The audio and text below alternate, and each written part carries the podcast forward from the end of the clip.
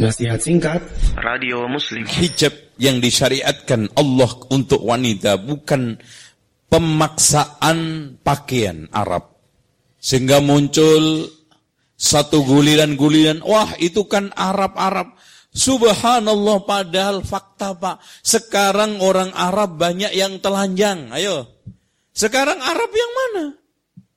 Antum lihat sekarang di Dubai. Orang Arab di Bahrain orang Arab di Qatar. Banyak sekarang yang tidak pakai pakaian hijab yang sempurna. Arab yang mana?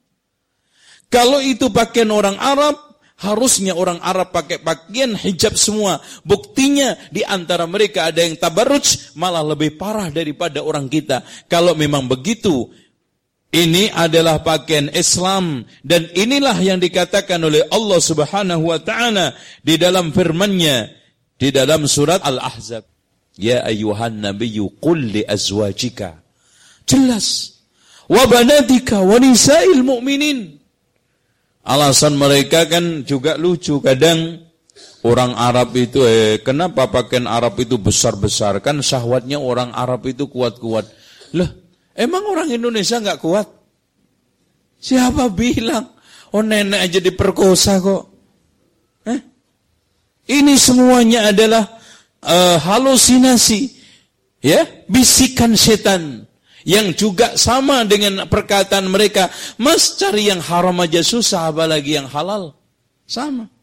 Dengan demikian ada sekalian, wanita-wanita yang dicela oleh Allah ini dicela oleh Rasulullah lewat hadisnya sinfani min ahlin nar lam arahuma qabla ada dua kelompok manusia yang belum pernah aku lihat sebelumnya di antaranya unasun wa ma'ahum siyatun bil baqar.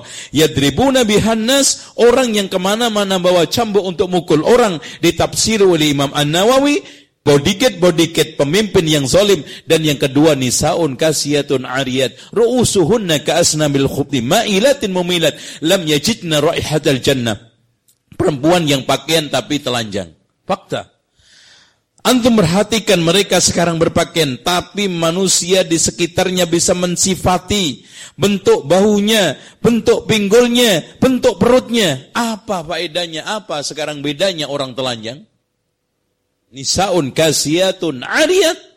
Ru'usuhunna, Masya Allah.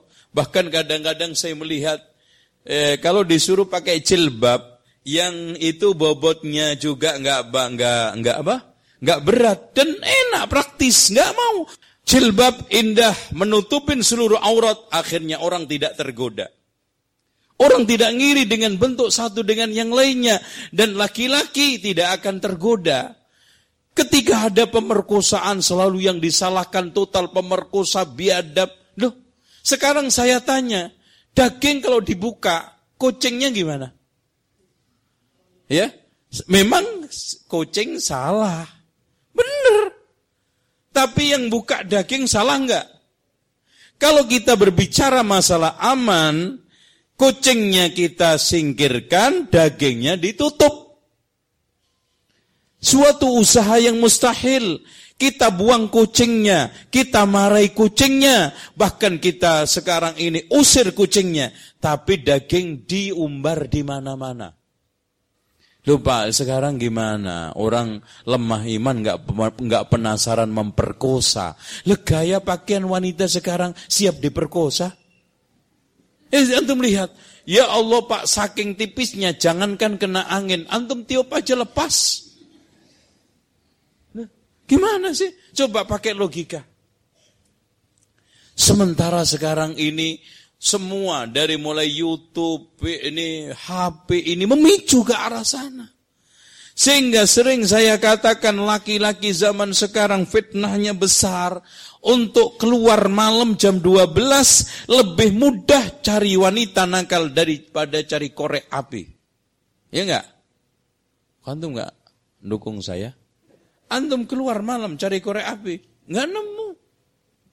Siapa yang bisa menyelamatkan? Hanya Islam. Siapa yang bisa menghargai Islam?